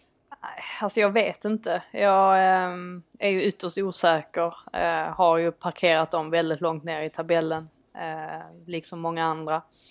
Ja, nu, är jag, nu är man ju först och främst jättesugen på att få se Diagana. Med tanke på hur hypad Ja. han har blivit helt plötsligt. Han fick ju spela väldigt mycket under West Hams försäsong. Var bra i alla matcher. Så att, eh, ja, alltså där. Och eftersom att han uppenbarligen känner sig ganska hemma i, i West Brom eh, överlag så kan man väl tänka sig att det där eh, kommer bli bra. Men i övrigt så, alltså rent truppmässigt så, ja, alltså det, det är ju ingen av, det är ju den främst som gör att man inte kan se att de ska kunna blanda sig i, eh, alltså någon, ja, någon hör, eller att de ska liksom hamna högre upp i tabellen utan att man tror att de nog kommer att ligga där nere eh, och få slåss för sina poäng. Ja. Slaven Bilic var ju heta när han ledde West Ham för ett antal år sedan och slutade de femma, sexa den säsongen. Eh, men eh, sen dess så har man, eh, han tappade ju lite där i West Ham och man, jag sätter ingen så jätte, jättetilltro till att han är rätt eh, tränare för att gå upp i Premier League med de här. Och, samtidigt så Han skulle det kunna vara en sån här rätt eh, men, de kan flyga ett tag Ja, under exakt. honom och men det sen känns så kommer det ebba ut. Han är duktig på att motivera under en period men att det kanske inte kanske fattas lite liksom eh, smartness och eh, taktiskt liksom eh, Efter ett tag. ja. eh, för, för att ta det där nästa steget. Jag frågade Frida hur många mål Danny Ings gör den här säsongen. Hur många mål gör Hal Robson Canoe, Kalle? Åtta! Han gör åtta ändå. Ja, det tror jag. men det gör han. Ja, men det alltså. tror jag. Det är en, eh, ganska vass i boxen. Ja, men jag tror att han kan göra åtta på sig. Ehm, ja, West Brom eh, förstås av många också då nedflytt, eh, nedflyttningstippade. Ett lag som de sen, den senaste tiden har halkat längre och längre ner på folks eh, förhandstips. Ja, inte minst ditt. I, i West Ham. Ja, eh, det är också roligt också för att eh, West Ham-supportrarna är så otroligt eh, missnöjda och upprörda just nu. Inte minst då för att man släpper Diana, Diangana. Diang Diangana, förlåt. Eh, man ser också ut att släppa Declan Rice. Eh, liksom. Gör man det verkligen? Till- Gör de till- verkligen det? till Kan de göra Chelsea. det utan att liksom få bli lemlästade? Ja, det, är ju, det är ju frågan, men eh, Chelsea ser ju ut att eh, pusha hårt för, eh, för Declan Rice just nu då, och eh, sägs vara beredda att betala en ganska skaplig slant. Eh, eh, West Ham som då ändå fick eh, in Zuzek från Slavia Prag, de lyckades göra den permanent och han kom ju och var, Och det var ju en väldigt, bra väldigt. Mm. och, och var väldigt, väldigt bra under, under våren och det känns som en viktig. Men, men annars är en ganska liksom, upprorsstämning nästan i West Ham-lägret just nu eh, kring hur det här transferfönstret har skötts och den här eh, situationen man har och David Moyes känns ju inte heller som det Nej, det är inte det mest spänstiga pigga, namnet. pi, pi, piggaste namnet Nej, att, det att reda upp den här situationen. Man får ju ge Moise, och det gjorde vi ju tidigare i podden i våras här, man får ju ge han credit för att han ändå löste det igen. För han har gjort det två gånger med West Ham, rädda kontraktet. Eh, men det är ju inte tränaren som tar dem till nästa nivå så, det, det är det ju faktiskt inte. Och nu hade man en jättespännande egen fostrad spelare i Grady i Diangana och så släpper man honom och visst, nu var det väl eh, nödvändigt att sälja någon spelare, man blir inte av med de andra. Men ska man inte behålla en sån spelare, det är ju en sån liksom, spelare som fansen kan ta till sig och man kan bygga på på sikt. Och då hade man haft både han och Declan Rice och kanske jättemycket framtidstro istället. Nu finns ingenting kvar. Jag, eh, jag är oroad för West Hams del, riktigt oroad. Och just det där med att det blir så eh, orolig stämning i fansleden nu mot ägarna och så vidare. Det kommer att, tror jag, kan påverka det som sker på planen också. När kaptenen Noble går ut på Twitter här och, och totalsågar klubbens agerande, för det är det han gör. Eh, och jag verkar ju ha fått stöd av Jack Wilshere som gick in och likade den, eh, eller han hade skrivit på Instagram där att, eh, att, eh, att till Diangana att han skulle gå och göra sin grej i en klubb som respekterar honom. Mm. Det är väl en ganska rejäl känga mot klubben. Mm-hmm. Så att eh, det är ju nästan så att det, det är krig, krig, Mm. krigstider där. Nu, nu ska Ja, väl i och för sig Noble och David Sullivan ha pratat ut om den här grejen. Ehm, och ja, alltså Sullivan eh, har ju försökt få Noble att förstå då att eh, de måste ha in pengar då för att kunna värva Tarkovsky som vars bud bara blir högre och högre känns det som Mm. för varje dag. Så att det är ju frågan om, om det liksom ens kommer ske. Men en mittback måste de ha in Nej. i alla fall. Och i övrigt så, Ja. eh, en titt på spelschemat säger ju att efter den här Newcastle-matchen i helgen så har ju eh, West Ham ett mardrömsschema. Eh, så att det är ju mycket möjligt att de kommer stå på noll poäng. Liksom, eh, ja, alltså ganska, ganska lång tid. En bit in i november, Och liksom. eh, då är frågan, alltså börjar man, kommer man in i ett sånt momentum eh, där stämningen liksom är allmänt dålig, ja då eh, blir det kanske som det blev för ett år sedan också. Att liksom, det behövs göras ännu en eh, totalrenovering där med tränare och stab och sådär. Så att, ehm, nej. Ja, eh, when it rains it pours, eh, som de säger där borta. Eh, Han skrev ett och ett halvt år i kontrakt Moyes så att det kostar inte jättemycket om de skulle skicka honom här framåt jul. ja, men vem skulle man stoppa in i det här läget liksom? De, de, de, kommer inte, Marco de, Silva! de kommer inte ringa Sam Allardyce direkt. Marco Silva, psyk, det vet du. Ja, ja, kommer in, in och styra upp det där försvaret, förstår du. Ja, ett geni. Ehm, ja, tufft för eh, West Ham just nu. Ehm, vi har ett lag kvar, sen ska ni få lämna era, era topp och botten tips. Eh, det laget är Wolves, Wolverhampton Wanderers. Eh, ja, den här Jorge Mendes styrda historien har vi plockat in en Fabio Silva för, från Porto för 35 miljoner. En kille vi inte vet som har spelat typ 15 Matcher i A-lags- högsta ligan. Ja. A-lagsmatcher. ja, det är sjukt alltså. Eh, de har plockat in en eh, eh, Fernando Marcal, eh, eller Marsal också, eh, då från Lyon. Man har sålt Matt Doherty för ett ganska billigt pris. Ja, det var ju också en Jorge Mendes deal med tanke på att han är agent Han för på- spelaren, agent för Mourinho, agent för Nuno, eh, rådgivare till klubben Wolves som Ja. dessutom äger en del av hans business. Ja. Eh, det är ju en... en Ja, det är en jävligt smutsig Det är en jävligt smutsig affär. Ja, det är klart det är det. Och det är intressant med den där Fabio Silva-dealen att eh, Mendes ska ju då ha plockat 10 miljoner euro för den affären, rakt ner i egen ficka.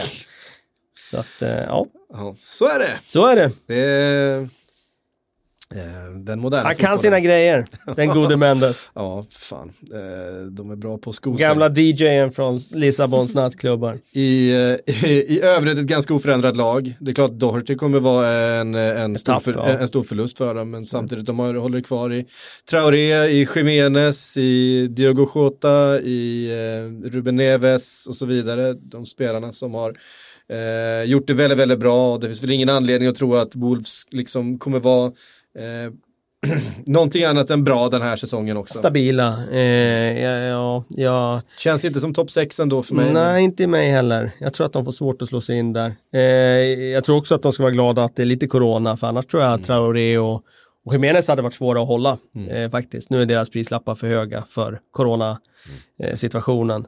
Men eh, jag ser inte riktigt någon utveckling riktigt hos Wolves. Som man säger. Alltså, det, är, det är samma typ av spel som de hade när de kom upp och det var väldigt effektivt då. Och Nuno kommer De är hålla på sina idéer. Ja, så är det. Och de, de är fortfarande jättesvåra att slå. Det är ingen tvekan om det. En jättebra defensiv. Men så blir det ju när man spelar 5-3-2 eh, på det där sättet som AIK-style som vi skulle kunna säga. Det är väl Ventura som har uppfunnit det eh, i den moderna fotbollen. Men eh, eh, spelar man sådär som AIK gör, alltså bakdunk, det är svårt att göra mål på sådana lag.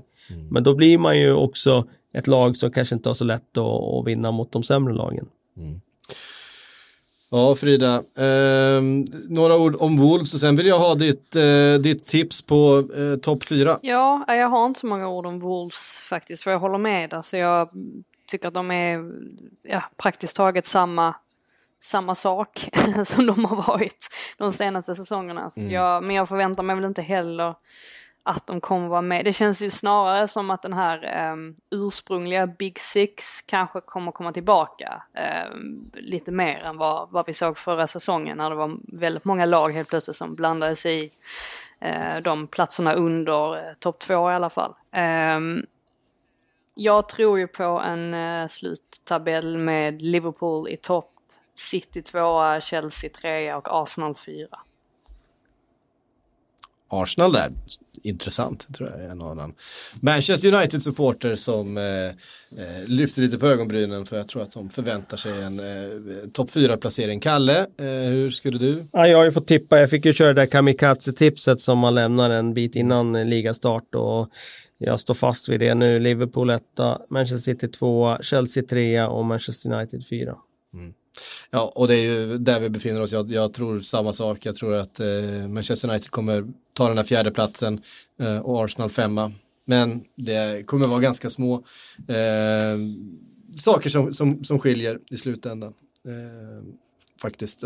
Chelsea är ju väldigt svårt, de har ju värvat otroligt intressant. Men att få ihop så här många spelare, att få ihop det här.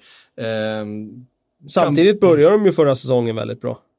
Väldigt, väldigt bra. ja, eh, extremt bra. Då hade de ju Eh, också väldigt mycket nytt och Lampard var ny och så vidare. Så man vet aldrig. Ibland kan det börja bra och sen kan man komma in i tuffare perioder sen. Det är inte alltid det Det är liksom. också så speciella förutsättningar nu med det här väldigt, väldigt tajta spelschemat. Ehm, och sådär. Och ett Chelsea då som eh, nu har ehm, ehm, ett Champions League som drar igång snart eh, och så vidare med alla de här spelarna. Kommer Ja, det- kom att tänka det på nu är- också att vi, vi pratade ingenting om William, alltså varken när vi nämnde Chelsea eller Arsenal. Ehm, det är lite intressant ändå att man glömmer bort honom nästan, att han faktiskt är Arsenal-spelare Ja. Jag tycker det är en bra värvning eh, av Arsenal. Jag tycker ju att han är kriminellt Verkligen. underskattad. Jag vet att han har varit eh, lite både eh, älskad och hatad i, i eller hatad är ett starkt ord, eh, att han har varit lite Ifrågasatt. Ut, utskälld och ifrågasatt eh, under vissa perioder i Chelsea, men jag, jag, jag tycker att han är riktigt, riktigt bra. Han har så mycket spets med sina kvicka steg och han kan avsluta, han kan spela fram och framförallt är han väldigt jag tycker han är ganska låg, eh, alltså en bra possession-spelare så. Och eh, det är en, eh, det är en, det är en bra eh, förstärkning för Arsenal. Han kan spela både till höger och till vänster. Okej Kalle, Frida fick säga tippa, bot, eller tippa toppen först, då får du tippa botten. Ja, jag har ju tippat min topp, så jag ska tippa botten också alltså. Ja, ja visst. Eh, nej, men jag tror att eh, våra kära nykomlingar kommer få tufft, West Bromwich och Fulham. Och sen tror jag att ett sånt lag som Pallas faktiskt kan få, få kämpigt och det är utifrån den situationen som är med att de är lite ålderstigna, de har Saha-situationen. Har inte han huvudet på plats då tar du bort rätt mycket av deras spets. Eh, och sen eh, Roy har gjort det bra där ett tag men eh, jag är lite oroad för det faktiskt. Så jag sätter dem där. Ja. Ehm, Frida? Ja, nej, men jag kör väl eh, på samma eh, egentligen, alltså med Fulham, West Bromwich. Men sen byter jag nog ut och sätter eh, Aston Villa där också. Jag tror att de kan få det tufft. Ja, ehm, nej men det, det är så jävla svårt att tippa den här botten i det här Det läget. finns många lag som egentligen hör hemma där. Alltså, Ja, det många alltså- som eh, inte är speciellt bra om man ska vara ärlig. Den- det den- den är sex, sju rätt- klubbar som skulle kunna hamna där. Ja, Fulham känns, Åtta också. Fulham känns för tunna helt enkelt. De känns för, för lättviktiga på något sätt i det här Ja, läget. sen, det finns ju inga garantier som var inne på för sådana här klubbar som eh, Brighton, Burnley, alltså sådana heller, Southampton för den delen. Alltså, man vet inte, de skulle kunna bli indragna. Skador och så vidare och sen att det börjar gå emot lite så Kaos- skulle de. Jag kaoset- tror inte det, men man vet inte. Kaoset i West Ham så här nära ligastart Ja, ja, ja, och sådär. absolut. Det tuffa, tuffa schemat och de negativa spiralerna som kan dyka upp. Absolut. Ah, Dessutom en David Moyes som jag inte håller som, som en eh, Marco Silva. som en Marco Silva direkt. Ehm, ja, det, det, det är stökigt. Jag tror nog ändå, det, det är Fulham, jag tror att det är eh, West Brom och det är, eh, jag säger ändå West Ham. Eh, ja, nu, ja, du, du hänvisade till mitt, eh, mitt, mitt skämt-tweet på, på Twitter, Kalle. Ehm, ja, ni som inte har Twitter, jag, gjorde ett skämt där jag placerade eh, West Ham allra sist i, i tabellen, men det var mest för att jag tyckte det var roligare att skriva West Ham än Fulham, för att West Ham har mycket fler supportrar. Eh, och är ett sånt där lag som är lite kaosigt och roligt och, och, och skoja med ibland. Eh, vet ni vad? Nu har vi gått igenom allting som jag hade på mitt körschema idag. Få, frågor får vi ta eh, nästa vecka när den första omgången, ja inte är helt färdigspelad, eh, men i alla fall eh, vi är igång och eh, kulan är i luften. Eh, tusen tack Kalle för att du tog dig hit. Eh, tack Frida för att du fanns med från London. Eh, Sportbladets Premier League-podd är tillbaks snart igen. Även eh, Sillypodden fortsätter ju under några veckor till. Eh, glöm inte att gå in och spela på eh, eh, vårt managerspel. Eh, eh, vad heter det? Premier Manager heter det. Det finns en liga där som heter Sportbladets PLP. Den kan man gå med i om man vill. Man vinner ingenting om man, om man vinner den eller så. Eh, det är mest för skojs skull, men där finns, eh, där finns vi med i alla fall. Så man kan utmana oss. Jag är ju asdålig på allt som har med fantasy att göra. Så att eh, eh mig är inte speciellt svårt att slå. Eh, men gå in där i alla fall, det är deadline om en, eh, ja, när ni lyssnar på det här, det vet jag inte, men, men eh, strax före avspark då imorgon tror jag det eller är det deadline sent ikväll kanske? Jag vet inte hur det funkar riktigt. Nej, det brukar vara en timme före um, en avspark. En timme före avspark, ja. Så att eh, vid lunch imorgon då någon gång. Ehm, och sen så eh, kör vi det också. Hörde ni, tusen tack för att ni har lyssnat hela vägen hit på återhörande igen.